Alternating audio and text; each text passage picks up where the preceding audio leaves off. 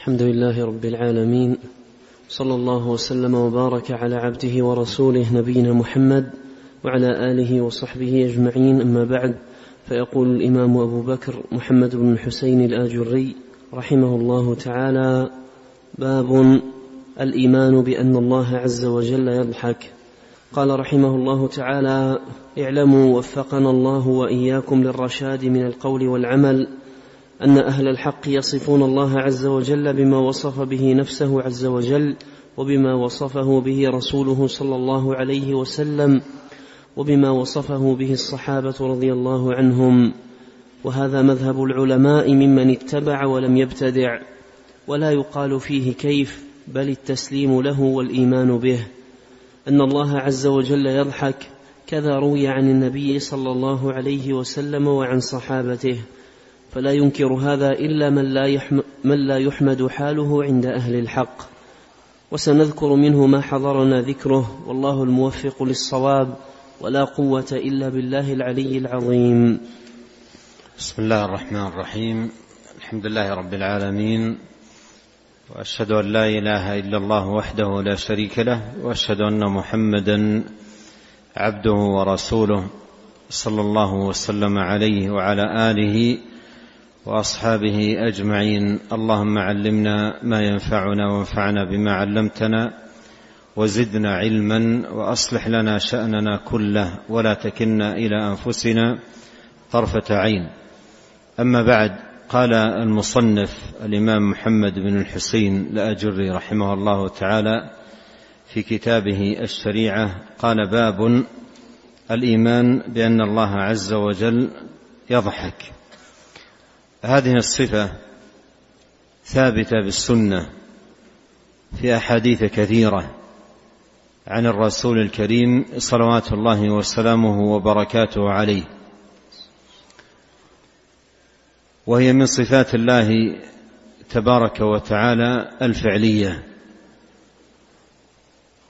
والقاعدة عند أهل السنة والجماعة في عموم الصفات الثابت منها في الكتاب أو الثابت منها في السنة إمرارها كما جاءت والإيمان بها كما وردت وأن يحذر من أن يخاض فيها بتأويل أو تعطيل أو تكييف أو تمثيل فإن ذلك كله من الانحراف عن سواء السبيل بل هو من الإلحاد في أسماء الله وصفاته. والله يقول وذروا الذين يلحدون في أسمائه سيجزون ما كانوا يعملون. ولهذا كان جادة الصحابة ومن اتبعهم بإحسان إمرار هذه النصوص كما جاءت والإيمان بها كما وردت. وإثبات ما دلت عليه من وصف لله عز وجل على وجه يليق بجلال الرب وكماله سبحانه وتعالى على حد قول الله جل وعلا ليس كمثله شيء وهو السميع البصير قال الإيمان بأن الله عز وجل يضحك. فهذا باب أفرده رحمه الله لإثبات هذه الصفة وسوق الأدلة عليها من السنة وهي صفة كما قدمت ثبتت بالسنة ليست مما جاء في القرآن وإنما هي صفة ثبتت بالسنة عن النبي الكريم صلوات الله وسلامه وبركاته عليه. وأيضا من قاعدة أهل السنة قد نبه المصنف رحمه الله تعالى على ذلك أنهم يصفون الله عز وجل بما وصف به نفسه أي في كتابه وبما وصفه رسوله صلى الله عليه وسلم أي في سنته. فالصفات تثبت لله عز وجل ما جاء منها في القرآن وما جاء منها أيضا في سنة النبي صلوات الله وسلامه وبركاته عليه. وقوله رحمه الله تعالى وبما وصفه به الصحابة رضي الله عنهم المراد بذلك أن الصحابة إنما يثبتون ما ثبت في القرآن. وثبتت به السنة. المراد بذلك مثل ما تقدم معنا عقب كل باب يسوق الآثار التي في القرآن عفوا الآثار التي عن الصحابة رضي الله عنهم التي هي مستمدة مما جاء في القرآن ومن سنة النبي صلوات الله وسلامه عليه. ويدخل أيضا تحت قوله رحمه الله تعالى وبما وصفه به أصحابه ما يحمله أهل العلم من الآثار عن الصحابة على حكم الرفع مما لا سبيل للرأي فيه. قال وهذا مذهب العلماء ممن اتبع ولم يبتدع. فأهل الاتباع هذا شأنهم بخلاف أهل الابتداع الذين يقولون على الله تبارك وتعالى وفي أسمائه وصفاته ما لا يعلمون.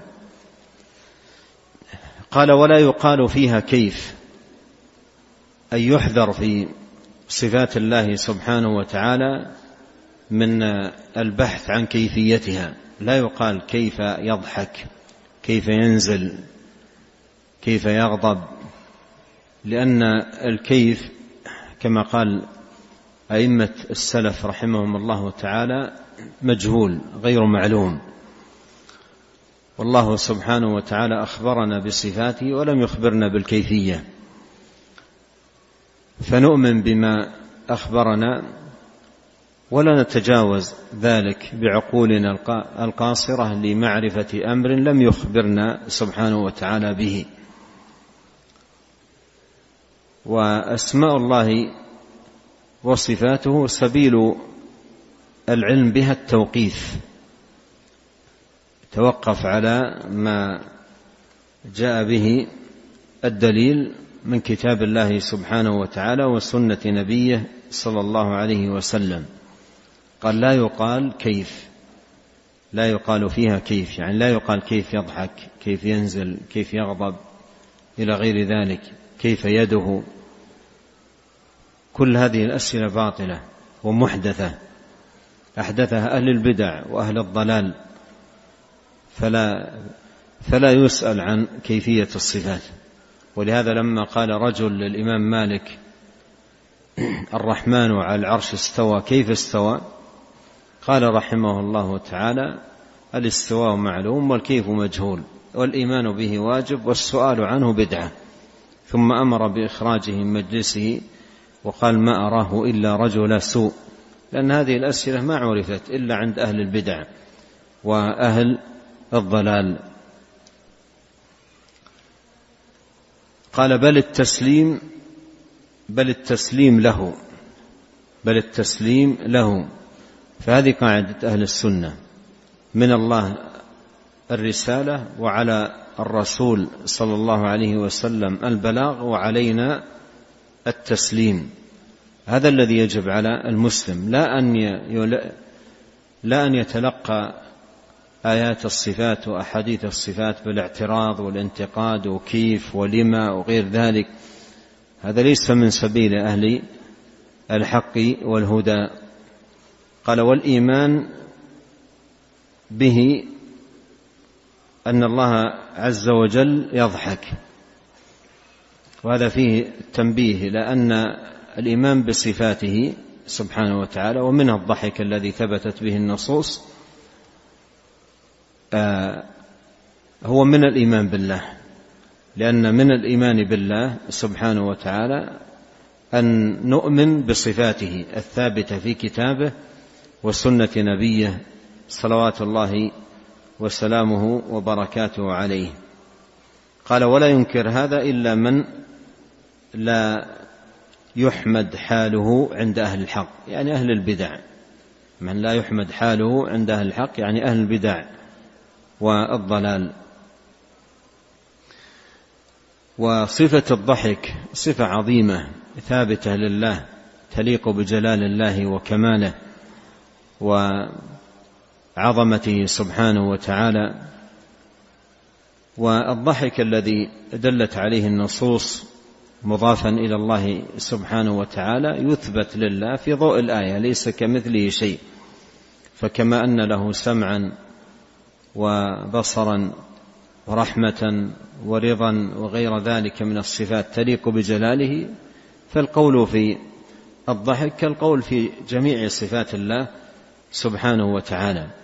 ولا يجوز أن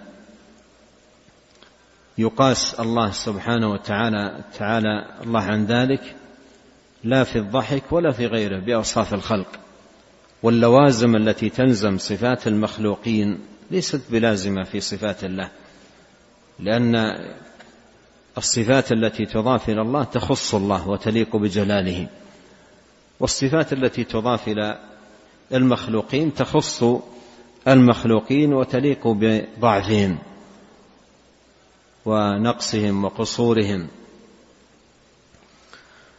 وهذه الصفة العظيمة الضحك هو من أمارات ودلائل رضا الله عن عبده. وفرحه بطاعة عبده سبحانه وتعالى فهو يضحك رضا وفرحا. ليس الضحك كما يقول أهل البدع هو نفس الرضا. وإنما الضحك صفة دلت عليها السنة ثابتة لله وهو ضحك عن رضا. كما يتضح من خلال النصوص التي تأتي معنا وقد ساقها المصنف رحمه الله تعالى. وفي هذا يقول ابن القيم في كلام نافع ومفيد جدا في كتابه زاد المعاد قال ومن هذا ضحكه سبحانه من عبده حين يأتي من عبوديته بأعظم ما يحبه. ومن هذا ضحكه سبحانه من عبده حين يأتي من عبوديته بأعظم ما يحبه.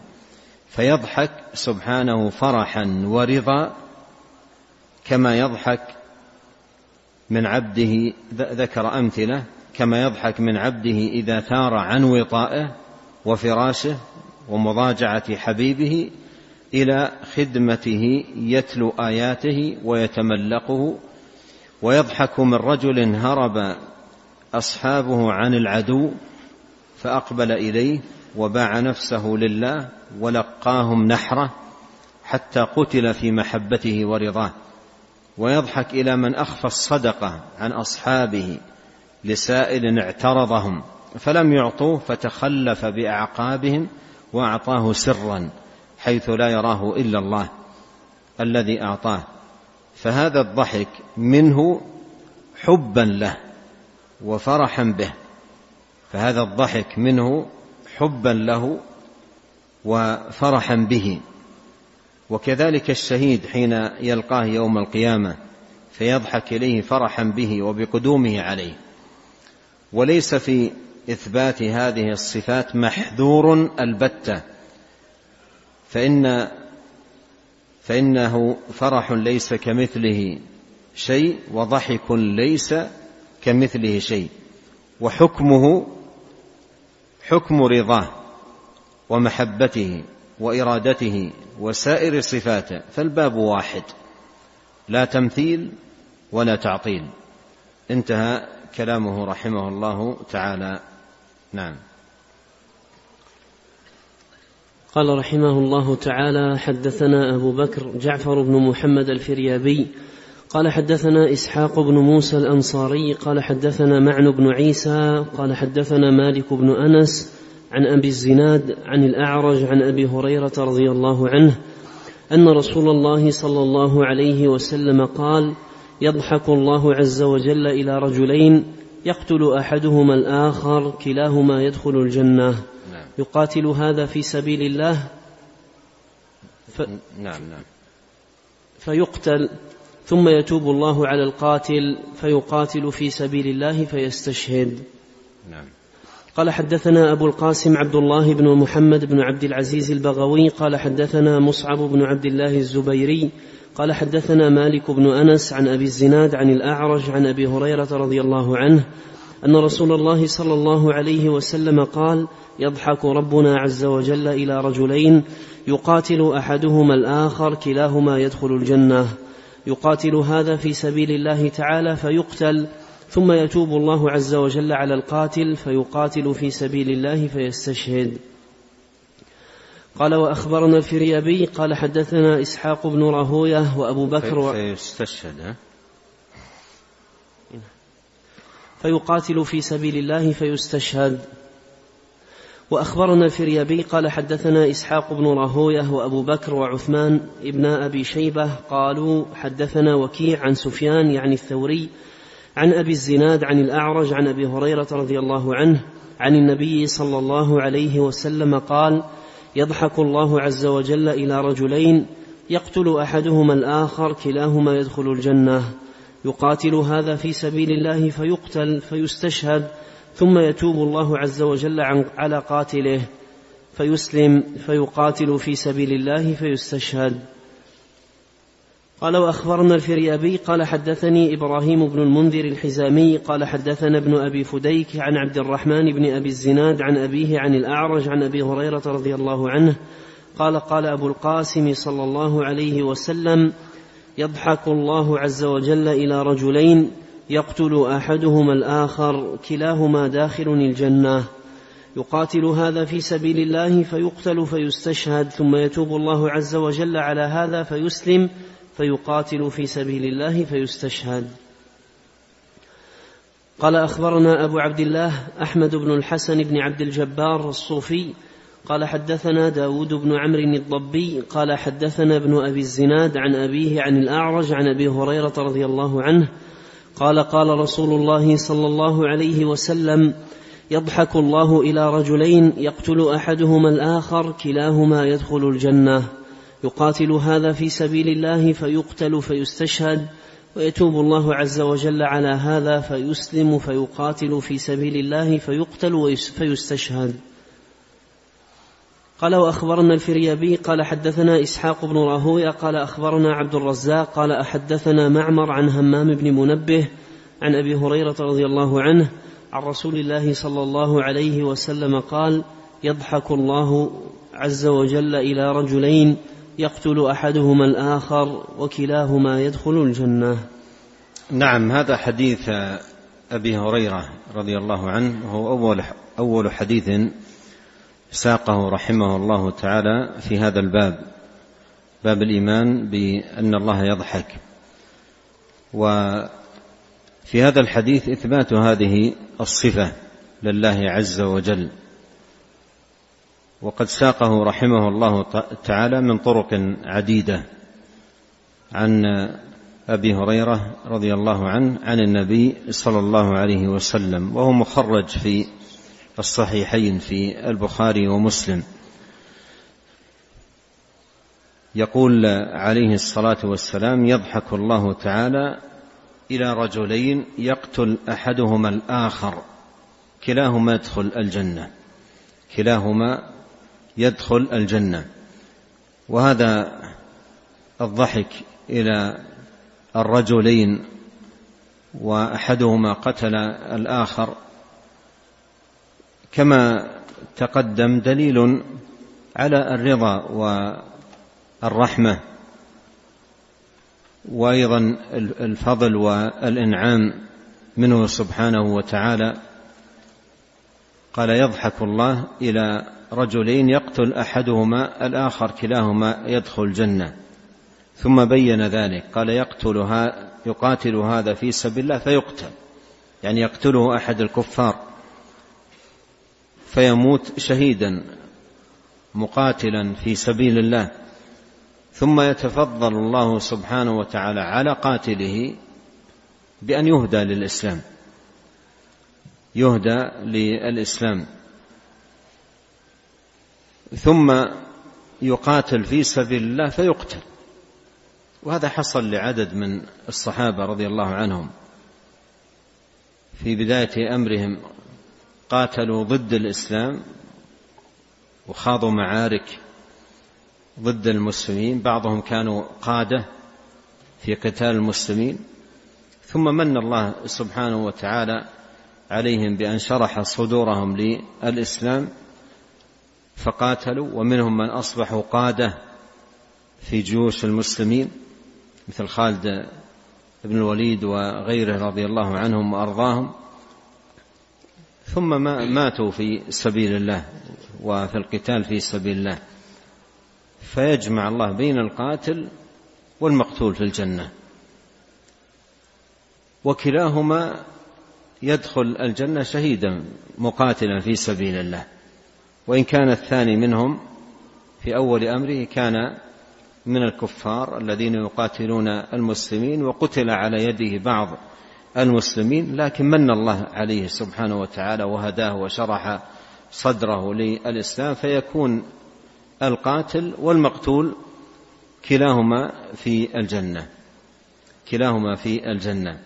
فيقول عليه الصلاة والسلام يضحك الله إلى رجلين يقتل أحدهما الآخر كلاهما يدخل الجنة. وهذا من فضل الله سبحانه وتعالى على الأول والثاني.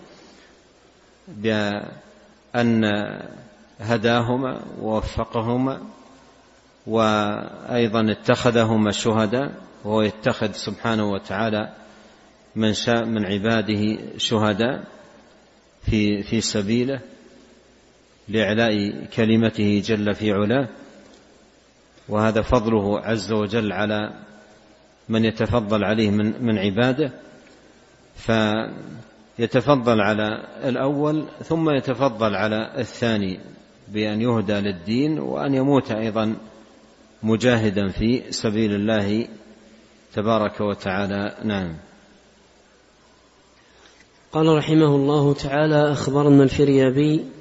قال حدثنا أبو بكر أبو بكر بن أبي شيبة قال حدثنا هشيم بن بشير قال أخبرنا مجالد عن أبي الوداك عن أبي سعيد الخدري رضي الله عنه يرفع الحديث قال ثلاثة يضحك الله تبارك وتعالى إليهم. الرجل إذا قام من الليل يصلي والقوم إذا صفوا للصلاة والقوم إذا صفوا للعدو. قال حدثنا أبو عبد الله محمد بن مخلد العطار قال حدثنا الحسن بن عرفة قال حدثنا هشيم بن بشير عن مجالد بن, عن مجالد بن سعيد عن أبي الوداك عن أبي سعيد الخدري رضي الله عنه عن النبي صلى الله عليه وسلم قال ثلاثة يضحك الله عز وجل إليهم يوم القيامة. الرجل إذا قام من الليل يصلي والقوم إذا صفوا للصلاة والقوم إذا صفوا للعدو. نعم هذا الحديث أيضا فيه إثبات هذه الصفة. قال ثلاثة يضحك الله تبارك وتعالى إليهم. ثلاثة يضحك الله إليهم. وذكرهم الرجل إذا قام من الليل يصلي والقوم إذا صفوا آه، للصلاة والقوم إذا صفوا للعدو. فهؤلاء الثلاثة يضحك الله إليهم. وكما تقدم معنا وأيضا في كلام ابن القيم هذا الضحك ضحك فرح وضحك رضا. عن هؤلاء فهو يضحك إليهم فرحا ورضا عنهم بما يعملون وما يقدمون في سبيل الله وفي طلب مرضاته سبحانه وتعالى. وفي في الإسناد مجالد بن سعيد ليس بالقوي. مجالد بن سعيد ليس بالقوي. لكن في المرسل لكن في الموقوف الذي بعده وإسناده إلى ابن مسعود رحمه الله إسناد حسن ما يشهد ل آه، آه، لاثنين مما جاء في الحديث الأول. نعم.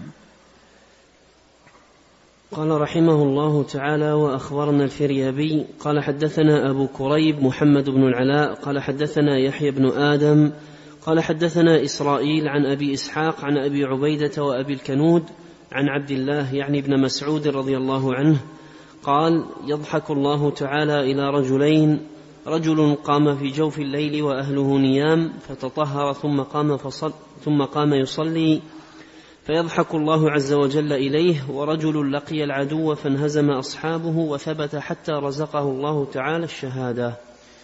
نعم هذا آه، الأثر عن مسعود موقوفا عليه وإسناده حسن. آه، ولعل هذا يصلح مثالا لما ذكره المصنف في أول هذا الباب وما وبما وصفه به أصحابه. ومثل هذا لا يقال بالرأي. مثل هذا لا يقال بالرأي. فله حكم المرفوع إلى النبي الكريم صلوات الله وسلامه وبركاته عليه. يضحك الله إلى رجلين رجل قام في جوف الليل وأهله نيام فتطهر ثم قام يصلي. وهو ضحك وهو ضحك رضا ومحبة وفرح بهذا العمل الذي يقوم به عبده. يقوم من الليل في جوف الليل وأهله نيام فيتطهر ثم يقوم يصلي بين يدي الله يناجيه سبحانه وتعالى. ورجل لقي العدو فانهزم أصحابه وثبت حتى رزقه الله الشهادة. حتى رزقه الله الشهادة. فهذا فيه إثبات الضحك صفة لله سبحانه وتعالى يضحك الله إلى رجلين وهو ضحك عن رضا ومحبة وفرح. نعم. قال رحمه الله تعالى حدثنا أبو بكر عبد الله بن محمد بن عبد الحميد الواسطي قال حدثنا عبد الوهاب الوراق قال حدثنا عبد الوهاب الوراق قال حدثنا يزيد بن هارون قال أخبرنا حماد بن سلمة عن يعلى بن عطاء عن وكيع بن عدس عن عمه أبي رزين العقيلي قال قال رسول الله صلى الله عليه وسلم ضحك ربنا عز وجل من قنوط عباده وقرب غيره قال قلت يا رسول الله أو يضحك الرب عز وجل؟ قال نعم قلت لن نعدم من رب يضحك خيرا قال حدثنا جعفر بن محمد الصندلي قال أخبرنا زهير بن محمد المروزي قال أخبرنا علي بن عثمان اللاحقي قال حدثنا حماد بن سلمة قال حدثنا يعلى بن عطاء عن وكيع بن عدس عن أبي رزين العقيلي رضي الله عنه أن رسول الله صلى الله عليه وسلم قال ضحك ربنا عز وجل من قنوط عباده وقرب غيره قال أبو رزين قلت يا رسول الله أو يضحك الرب عز وجل؟ قال نعم. قلت لن نعدم من رب يضحك خيرا. ثم أورد رحمه الله تعالى هذا الحديث حديث أبي رزين رضي الله عنه أن النبي صلى الله عليه وسلم قال ضحك ربنا عز وجل من قنوط عباده وقرب غيره. ضحك ربنا عز وجل من قنوط عباده وقرب غيره. قرب غيره أي قرب تغييره للحال وأن الغيث ونزوله قريب وهم في في في شدة اليأس والقنوط مع أن الغيث قريب نزوله واشتد بهم اليأس وإن كانوا من قبل أن, ينزل عليهم من قبله لمبلسين أي قانطين. فيعجب الله إلى عباده من شدة القنوط الذي يصيبهم قنوط العباد مع أن الغيث قريب النزول مع أن الغيث قريب النزول فمعنى قرب غيره أي قرب تغييره للحال من شدة إلى رخاء من جدب إلى من جدب وقحط إلى غيث وفرج وتيسير. قال ضحك ربنا عز وجل من قنوط عباده وقرب غيره يعني قرب تغييره تغييره للحال. وفي هذا الحديث قال ضحك ربنا من قنوط عباده. في الأحاديث الأول يضحك الله إلى. يضحك الله إلى. وذاك مثل ما مر ضحك فرح ورضا من من عبده. ضحك فرح ورضا سبحانه وتعالى وفرح. وهنا في هذا النوع قال ضحك الله من كذا.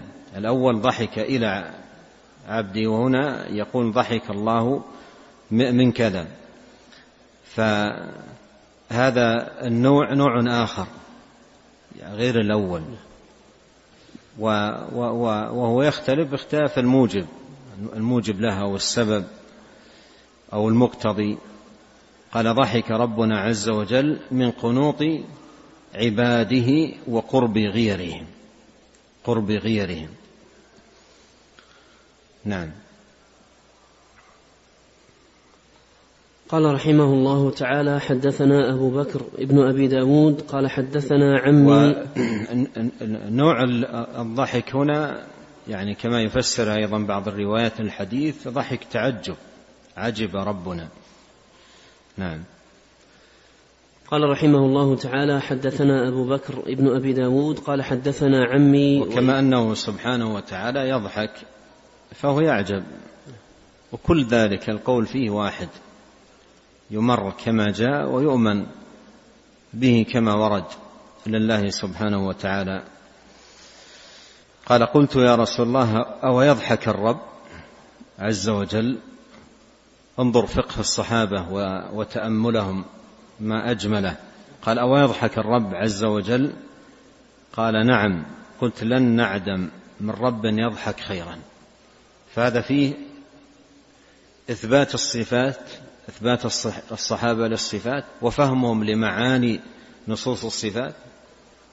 لأن أبو رزين رضي الله عنه لما سمع النبي صلى الله عليه وسلم يقول يضحك ربنا آه، أثبت هذه الصفة وآمن بها وأيضا آمن باللوازم والآثار أن الصفات أيضا لها لوازم تثبت فآمن بها قال لن نعدم الخير من رب يضحك لن نعدم الخير لن نعدم من رب يضحك خيرا. وهذا فيه رد على من يدعي في حق الصحابة أنهم كانوا يقرؤون نصوص الصفات ويروونها ولا يفهمون منها معنى. ولا يفهمون منها معنى. ولهذا يقولون مقالتهم الشنيعة في حق الصحابة. يقول مذهب الصحابة أسلم ومذهب الخلف أعلم وأحكم. يقول الخلف هم اللي فهموا النصوص نصوص الصفات يقصدون التأويل الذي وجد عند الخلف فيما بعد. وأما الصحابة عندهم فإنهم ما كانوا يفهمون شيئا منها وإنما يقرؤونها هكذا قراءة دون فهم للمعنى. والصحابة مذهبهم رضي الله عنهم وأرضاهم أسلم وأعلم وأحكم. وكانوا يفهمون معاني نصوص الصفات. ولهذا لما قال يضحك ربنا فهم المعنى. قال لن نعدم من رب يضحك خيرا نعم. قال رحمه الله تعالى حدثنا أبو بكر ابن أبي داود قال حدثنا عمي وإسحاق بن إبراهيم قال حدثنا حجاج قال حدثنا حماد يعني ابن سلمة عن علي بن زيد عن عمارة القرشي عن أبي بردة عن أبي موسى الأشعري رضي الله عنه أن رسول الله صلى الله عليه وسلم قال يتجلى لنا ربنا عز وجل ضاحكا يوم القيامة. نعم نكتفي بهذا.